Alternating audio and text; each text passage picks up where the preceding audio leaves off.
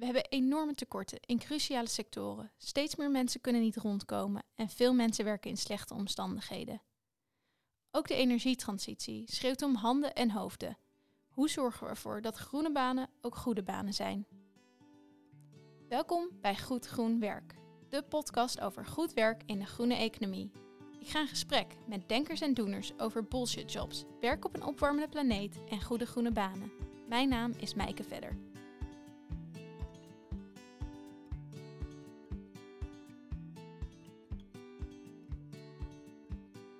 En ik zit hier vandaag met Saskia Lammers, sinds een jaar wethouder welzijn, werk, armoede, cultuur en design in Eindhoven. Daarvoor was ze sinds 2014 raadslid voor GroenLinks. Welkom Saskia. Dankjewel. Dat is nogal wat. Welzijn, werk, armoede, cultuur en design. Klopt. Ja. Maar het is ook een hele mooie combinatie. Ja? Ja, dat vind ik zelf heel erg. Uh, uh, want het combineert eigenlijk onze sociale opgave. Ook om kijken van uh, hoe kan je armoede ook uh, koppelen aan werk. Kunnen mensen ook structureel uit de armoede krijgen.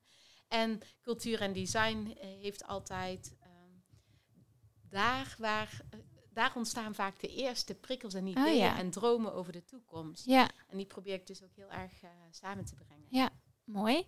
En eigenlijk in alle afleveringen die ik maak in deze podcastserie eh, over werk, vraag ik eerst even wat eigenlijk jouw eerste baantje was. Oh, mijn allereerste baantje. Ehm, oh ja, dat was eh, aardbeien plukken. Oh, Bij de boer. Groen dus. Ja. En ook rood. ja. Hier in de buurt. Eh, ja, ik ben ehm, opgegroeid in en om Helmond. Dus Oké. dat is niet zo heel erg ver hier Nee. vandaan. Nee. En heb je daar goede herinneringen aan dat aardbeien plukken? Ja, ik verdiende er niet zo heel veel mee. Want we ver- verdienden toen, geloof ik, per bakje geplukte aardbeien. En, dat, eh, en ik vond die te lekker. Dus ik hield niet zoveel over aan het eind van de dag. Beetje snoepen tussendoor. Ik, eh, Ja, lekker. Nou, dat is wel iets heel anders dan wat je eh, nu doet. Want je was jarenlang raadslid en nu ben je wethouder. Hoe, hoe is die verandering je eigenlijk bevallen? Kijk je positief terug op dit eerste jaar? Zeker. Ehm, het is heel erg mooi om als wethouder je ideeën, die je soms ook vanuit een eh, bepaalde ideologie helemaal handen en voeten wil geven, om daar nu ook eh, in de praktijk mee aan de slag te gaan. Ja. En tegelijkertijd soms ook ingewikkeld, want dan is die praktijk toch soms iets weerbarstiger Ja. dan dat je van tevoren gehoopt had. Ja. En alles wat ertussenin zit. En als raadslid dan doe je daarnaast natuurlijk ook nog ander werk. Dat, dat heb je nu niet meer. Mis je dat ook? Ik werkte eh, voordat ik eh, wethouder eh, werd bij Fonds Hogeschool voor de Kunsten. Oké. En toen zat ik heel veel tussen jonge mensen en heel veel dynamiek ook. Dus ik mi- mis vooral de herrie op de gang. Ik vind het hier echt af en toe heel erg stil. Terwijl Ja. ik daar de continu geluiden hoorde en ehm, eh, ja, daar onderdeel van uitmaakte. Ja, dus je moet zelf echt moeite hier doen om, om de drukte een beetje op te zoeken en uit het eh, betonnen stadhuis te komen eigenlijk. Ja, en dat doe ik ook graag. Ja? Ik ga graag eh, de stad in, de regio in, om met mensen te praten en dingen te zien en Ja. te ervaren. En ook niet alleen vanuit een eh, ivoren toren, maar echt dicht bij mensen Ja. beleid te maken. Ja. Mooi. Ehm, ja, Eindhoven is eigenlijk echt een techniekstad. We gaan het vandaag hebben over die, die groene economie. Je hebt hier Philips, ASML's om de hoek en een technische universiteit. Is dit dan ook juist de plek waar die toekomst vormgegeven moet worden?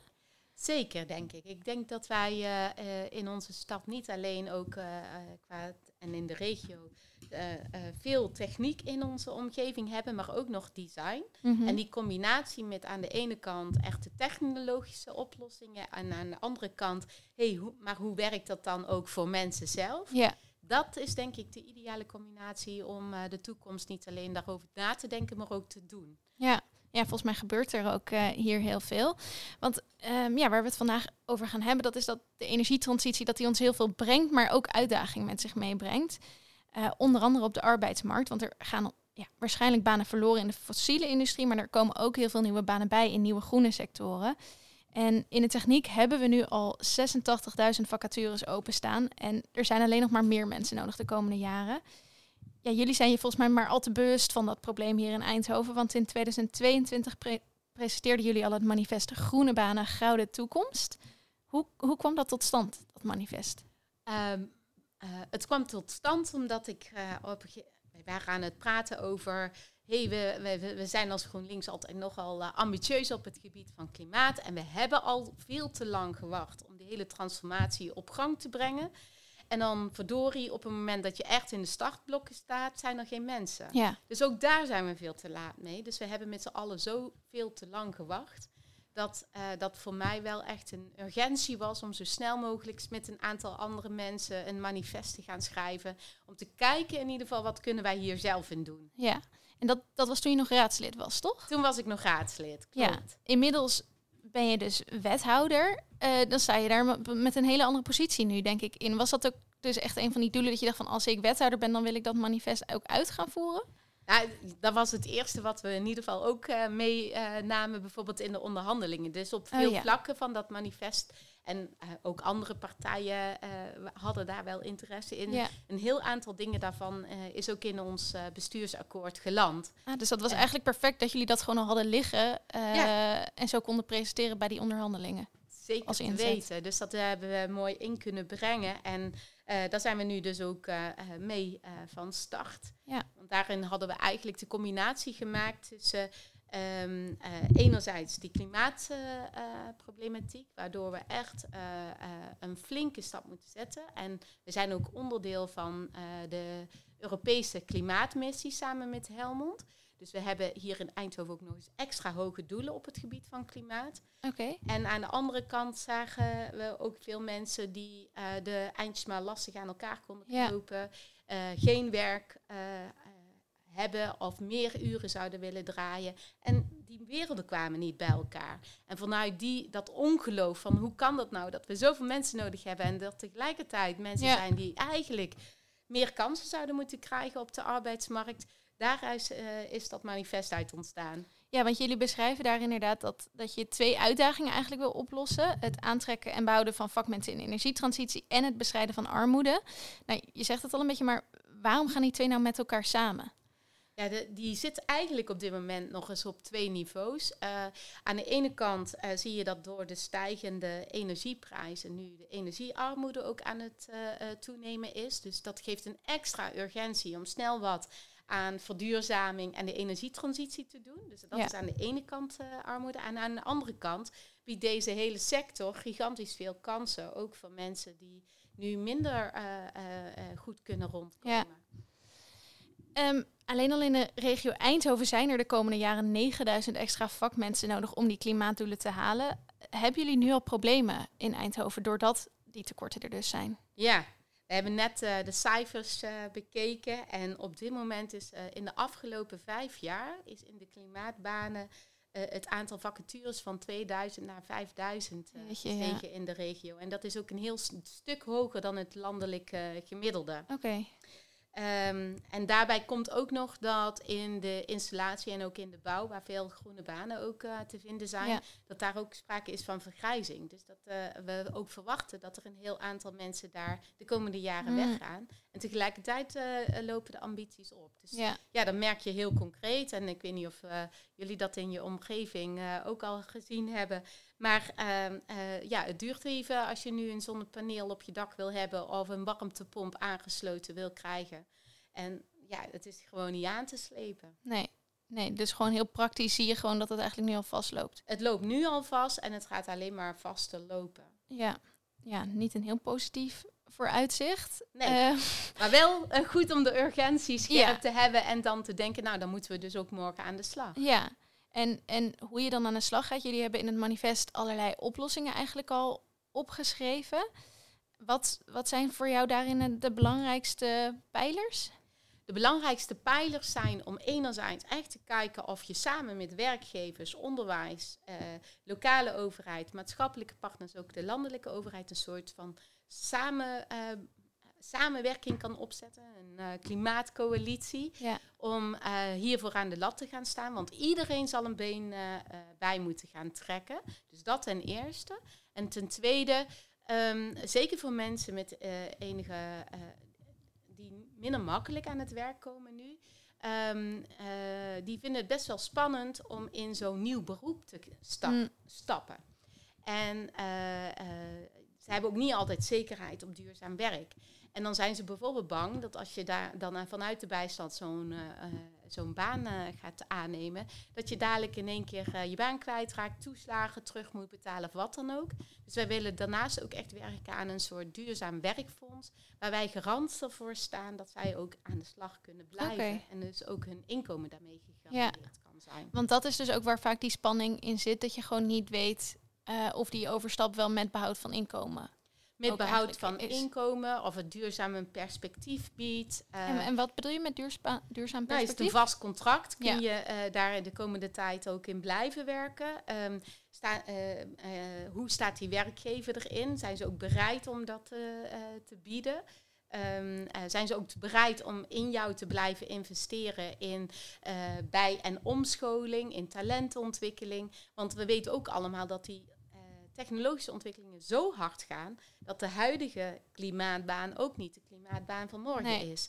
Dus je moet heel goed nadenken als je instapt dat je iemand ook continu kunt blijven bij en ja, Het is niet alleen dat je je omscholt voor die baan, maar ook in die baan moet je constant flexibel eigenlijk uh, ja. zijn. En dat vraagt veel van werkgevers, dat vraagt veel van onderwijsinstellingen, dat vraagt veel van een lokale overheid en ook van de landelijke en mogelijk ook Europees. Ja, en uh, jullie willen dus zo'n fonds. Uh, is dat er al of zijn jullie daar nu mee bezig? Hoe gaat dat? Nee, daar zijn we mee bezig. Dus uh, dat uh, zijn we nu aan het verkennen. Evenals ook uh, die samenwerking zijn we echt aan het opzoeken. Mm um, en we zijn allereerst begonnen om die urgentie op alle tafels ja. neer te leggen. Ja. Van hé, hey, er moet iets gebeuren. Want er zijn nu wel allerlei projectjes. Er zijn allerlei kleinschalige projectjes. Maar ja, dan gaat het telkens over 5 tot 30 mensen per project. Hè? Ja. Dan als het over installatie gaat, over zonnepanelen, bijvoorbeeld onze klusbus, waar mensen vanuit de bijstand voor worden bijgeschoold. Maar als er 9000 mensen nodig zijn, jeetje. Ja, dan, dan moet je groter gaan denken eigenlijk. Uh, opschaling, ja. Ja, en uh, betekent dat dat je gewoon helemaal nieuwe dingen gaat bedenken? Of ga je dus wel gebruik maken van al die kleine projecten die er al zijn? Die kleine projecten, die, daar heb je, leer je natuurlijk superveel van. Ja. Dat zijn de kleine experimenten. Uh, maar je wil dat nu opschalen. Dus we mhm. zoeken echt wel naar een... Ja, we zitten bijvoorbeeld te verkennen, willen wij een soort versneld opleidingscentrum samen met werkgevers en onderwijs samenstellen, dat je in acht tot tien weken ook je eerste vaardigheden mm. kunt aanleren bijvoorbeeld. Is dat mogelijk binnen alle samenwerkingspartners die hier zijn of er uh, met ons mee willen denken daarin? Um, dat vraagt bijvoorbeeld ook dat je nadenkt over hybride docentschap. wat, wat, wat is dat, hybride uh, docentschap? Dat, uh, als wij, er is ook een tekort namelijk in het onderwijs. Ja. Dus als wij alleen vanuit huidige docenten denken en je wil zo opschalen, dan, dan lukt het ook al niet. Dus je moet ook al kijken of je samen met werkgevers de combinatie kan maken van werk, dat ook werkgevers een rol pakken in het scholen. Ja. of dat je ja, de een de ander weer iets leert. Dus je moet continu nadenken over andere vormen, want op alle vlakken is dat tekort zo groot. Ja.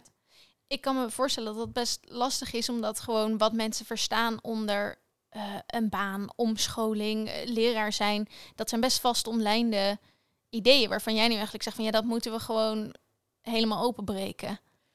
Ja. ja, dat is nogal wat. Ja, dat is nogal wat. Daarom is het ook. Um, uh, uh, ja, want het, de, het is een andere manier van onderwijs. Het is ook een andere manier van werkgeverschap wat nodig is, wat veel meer op ontwikkeling zit. Uh, het is uh, een andere manier van als overheid redeneren. Want als je een beleidsplan maakt, dan ben je vaak een jaar verder en dan moet je ook nog aan de slag. En dan, ja, die tijd hebben we allemaal niet. Dus we moeten tegelijkertijd verandert alles. Maar je moet wel meteen nu al starten. Ja, je, je hebt ook geen tijd te verliezen, dus we, we moeten er gewoon mee, mee bezig. Ja, en, dat, en dan komt uh, dat verschil tussen raadslid en wethouderschap wel weer even om de hoek kijken. Want als raadslid zou ik dan denken, ja, kom op, uh, uh, morgen aan de slag. En tegelijkertijd realiseer ik me ook wat we aan het vragen zijn in de praktijk. Ja. dus um, ja, daar hebben we zeker samen met de ambtenaren een, een behoorlijke ambassadeursrol in om dat hmm. proberen aan te jagen. Ja, en um, nou, je zei al van je bent dus bezig nu met die urgentie in ieder geval hoog op de agenda uh, te krijgen. Um, Maar ook dat dat in de praktijk dus af en toe moeilijk kan zijn. Wat zijn dan grote obstakels die je nu als wethouder dan tegenkomt bij het uitvoeren van nou ja, deze agenda? Uh, een aantal dingen die we sowieso uh, tegenkomen is bij werkgevers. Um, die zullen op een andere manier moeten gaan kijken naar nieuwe mensen. Mm -hmm. want als je denkt dat je alleen mensen van een opleiding kunt plukken en dat het dan wel goed komt, ja, dat, dat werkt niet. Dus je moet heel veel meer verschillende mensen, ook met, soms met een grotere afstand tot de arbeidsmarkt gaan. dus dat vraagt iets voor inclusief werkgeverschap. Dat vraagt iets voor onder, bij- en omscholing bij werkgevers. En uh, niet alle werkgevers zijn er al klaar voor. Dus uh, daar is veel op nodig. Bij onderwijs merk je dat soms de onderwijsmanier van werken met een jaar vooruitdenken en met de wetgeving die er nu zit, mm -hmm. ja, dat, ook dat knelt, want je wil leven lang ontwikkelen. Ja. Dus, veel kortcyclischer werken. Um, bij de landelijke overheid heel praktisch ook. Um, uh, we zijn als arbeidsmarktregio heel hard aan in de slag om samen met elkaar te werken. Maar ondertussen is voor dit jaar ons interventiebudget met 70% gekort. Om mensen Jeetje. richting werk te begeleiden. Want wie zit erachter? Hoe kan dat? Nou, um, uh, wie uh, moet ik de schuld geven? ja, wie mag je allemaal de schuld geven? Nee, kijk, um, er, er is tijdens de corona is er uh, meer urgentie gekomen om mensen van werk naar werk te begeleiden. Ja. Daaruit zijn arbeid, uh, heb, daar is een rol gekomen voor de arbeidsmarktregio's. Mm -hmm. En wij zijn in Eindhoven toen rete snel van start gegaan. We zijn meteen de deuren open gaan doen. En anderen zijn wat meer plannen gaan maken. Mm. En wij zijn niet zozeer toekomstdenkers, maar toekomstdoeners. Ja. Dus we hebben meteen die deuren opengezet. Met als gevolg dat wij al heel veel mensen richting werk hadden geholpen. En toen kreeg, keek de landelijke overheid over alle arbeidsmarktregio's heen. En toen zag, zagen ze van, oh ja, maar er is minder geld uitgegeven voor deze inwoners. Dus we doen het totale budget maar ah, kleiner. Omdat jullie het zo goed deden eigenlijk. ja. ja. Jammer. Dat je dan toch afgestraft wordt op het eigenlijk het goede voorbeeld uh, geven. Zonde, want dat zou zo die versnelling helpen. Ja, want wat deden jullie hier dat dat werk naar werk uh, misschien beter ging dan op andere plekken? We hebben hier meteen een uh, fysieke plek ook gemaakt. dat mensen meteen naar binnen konden lopen. Okay. Om um, van werk naar werk begeleid te worden. Ja. met een team bestaande uit verschillende achtergronden er is samenwerking met gemeentes, met vakbonden, met uh, um, uh, sociaal ontwikkelbedrijven, et cetera. En die, zit, die zaten gewoon klaar. Ja. En daar hebben we geprobeerd ons goed te werken en mensen zo snel mogelijk naar een nieuw perspectief te, ja. te bieden. Dus daarvan... En dan willen we heel erg graag uitbouwen. met dus ook de focus op een aantal tekortsectoren. Onder andere de groene banen. Ja, dat voorbeeld zou je eigenlijk zeggen van dat moeten we nu gewoon gaan gebruiken voor dan nou moet ja, je, ja. overal, voor alle, alle, sectoren en specifiek die groene banen. En uh, zijn er ook juist uh, partners, misschien onverwachts ook, die je nu juist hebt gevonden als wethouder, waarvan je dacht van, oh, als raadslid had ik dat niet verwacht, maar met deze mensen kan ik juist heel graag samenwerken of zou ik heel graag willen samenwerken? Even nadenken. Um, ja, sowieso houden we van heel erg veel samenwerken. Dus ja. zeker als uh, bedrijven mee willen doen. Wat we hier ook aan het kijken zijn, is uh, uh, samen met bedrijven de uh, Brainport sociale agenda op aan het zetten. En dat is natuurlijk wel echt een nieuwe samenwerking. Want Brainport, even voor de mensen die dat niet kennen, waar staat dat voor? Brainport is eigenlijk onze regio um, die zo inzet op techniek, innovatie, design, ja. et cetera. En dat is onze.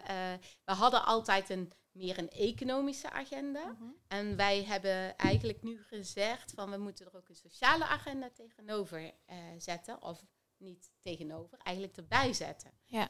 En uh, daar zitten werkgevers in, onderwijs, maar ook maatschappelijke partners. En daarom, daar komen ook gewoon onverwachte samenwerkingen ja, uit. Leuk. Ja.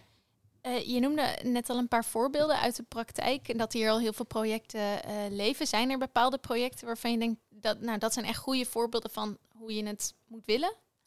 Ja, een van de dingen waar we ook heel erg mee bezig zijn, uh, en dat is in het kader van Europa misschien wel interessant ja. om te vertellen, is de skills-based economy.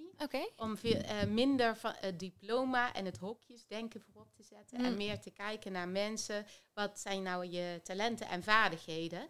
En zeker in zo'n snelle ontwikkeling wil je natuurlijk mensen. eh, ehm, eh, ja, dan kun je niet naar een diploma zoeken. Ja. Er is geen, Je ja. hebt die luxe als werkgever eigenlijk niet meer om niet heel meer. veel eisen te stellen en dan te zeggen, oh je voldoet er Nee. niet precies aan. Dus je moet veel meer naar vaardigheden kijken. En Ja. eh, zo hebben wij eh, ook een Europees project, eh, Passport for Work. Oké. Wat eigenlijk ehm, ervoor zo waar, waar je eigenlijk op een be- beetje gamification-achtige manier Mhm. mensen helpt om eh, hun vaardigheden en talenten in kaart te brengen. Ah. Zodat wij kunnen matchen met de vaardigheden die nodig zijn.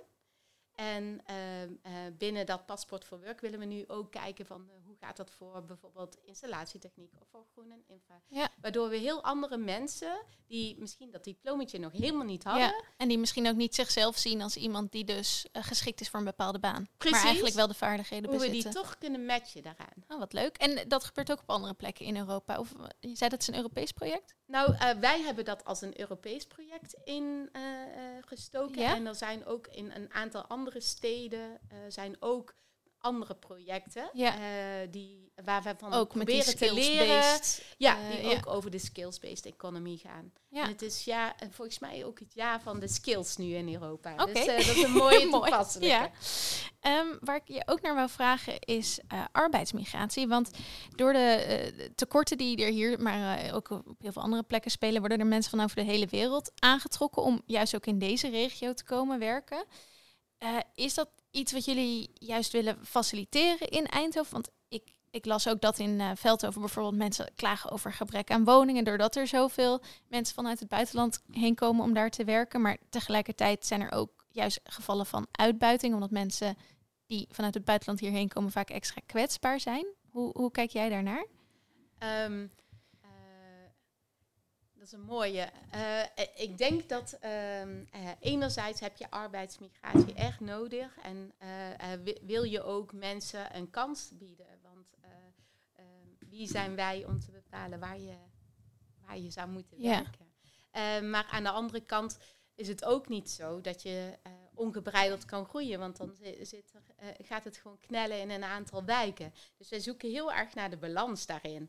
Ehm, maar ehm, we hebben bijvoorbeeld ook binnen onze arbeidsmarktregio een eh, project wat gaat over de partners van de mensen die hier naartoe getrokken worden, Hmm. bijvoorbeeld door de grote bedrijven.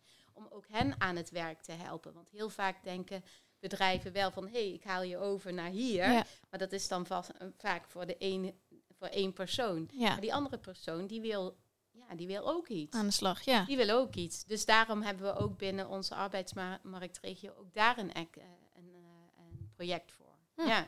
Mooi. Eh, op het gebied van arbeidsmigratie en de, zeg maar de uitbuiting werken we heel nauw samen met eh Barca. Wat is dat? dat is een eh, ehm, eh, organisatie die mensen bijvoorbeeld vanuit Oost-Europa ondersteunt in ehm, enerzijds wat gebeurt er nou als je hier komt en eh, om een weg Ja. te vinden binnen, eh, binnen de regio, maar ook als jij eh, het gevoel hebt of als in één keer je baan verliest, om ook te kijken van waar zijn nog meer kansen voor jou en Ja. ze snel door te verwijzen. Dus ehm, we hopen daarmee dat de uitbuiting iets minder groot gaat worden, maar dat betekent niet dat het weg zal zijn. Dus dat is echt wel dat blijft zorg. een punt van aandacht. Dat blijft echt wel een punt van aandacht. En eh, eh, nou ja, de, de, eh, daar hebben we ook nog wel stappen in te zetten, Ja. denk ik hoor. Oké, ehm, eigenlijk wil ik je ook nog een paar vragen voorleggen. Niet van mezelf, maar van de andere gasten in de vorige afleveringen. Ehm, in de vorige aflevering was Robert Duur te gast. Hij is econoom en hij pleit heel erg voor meer ruimte voor experimenten in de politiek. Want hij zegt, politici maken vaak een plan en vertellen overal hoe geweldig het is. Maar als het je menens is om problemen echt op te lossen, moet je ook in de realiteit kijken of die plannen wel werken. Nou, ik dacht, jij hebt natuurlijk juist als raadslid dat plan gemaakt en bent nu wethouder. Daar kan je vast van alles bij voorstellen. Eh nou ja, sluit je je bij zijn pleidooi aan? Werken jullie hier met veel experimenten? Eens. Helemaal eens. Want je, je kunt wel een plan maken, maar je moet het ook gewoon zien te doen. En Ja. op eh, wat eh, eh, misschien een mooi voorbeeld is, afgelopen jaar zagen we natuurlijk de energieprijzen gigantisch stijgen. En toen is, was er ook landelijk wel wat geld om iets aan de verduurzaming voor de meest uh, voor sociale woningbouw, et cetera, te doen. Maar dan liepen we tegen allerlei regeltjes aan. Ja. En daar hebben we een hele slimme uh, meneer pilot voor opgezet. En dat is de klusbus. En die gaat bij zo'n 14.000 huishoudens van sociale woningbouw nu in de stad rond. Okay. Om mensen te helpen met kleine verduurzamingsmaatregelen. En voor die klusbus zijn onder andere ook mensen uit de bijstand omgeschoold. Oh. Dus uh, uh, dat is een voorbeeld waarbij en je dat echt is vanuit de gemeente is dit opgezet? Ja. Oké. Ja. En, het, en het werkt? En het werkt, maar het werkt ook soms ook wel ingewikkeld. Want ook dan vinden mensen het best spannend. Wat Ja. gebeurt er dan allemaal in je huis? Ja. Maar ja, daar zijn we echt hard mee aan de slag. Want als we hadden alles volgens eh, de richtlijn... eh, ja, eh, als we het helemaal netjes in allerlei dingen hadden Ja, moeten ja. doen... dan waren we denk ik nu nog niet van start. En eh, eh, eh, daar zijn we echt eh, snel mee eh, aan de slag gegaan. Dus weer dat Dus- niet alleen toekomstdenken, maar Toekomst toekomst doen. ja, mooi. Eh, Sander Heijnen was een andere gast in de vorige aflevering. Die zei, ehm, we moeten een perspectief creëren waarin groene investeringen lonen en grijze investeringen niet. Dan volgt de arbeidsmarkt wel. We hoeven niet zo bang te zijn voor krapte. Dat hij eigenlijk een beetje was van ja, al dat arbeidsmarktbeleid. We moeten gewoon ons focussen op die vergroening en dan ja, komt het eigenlijk wel.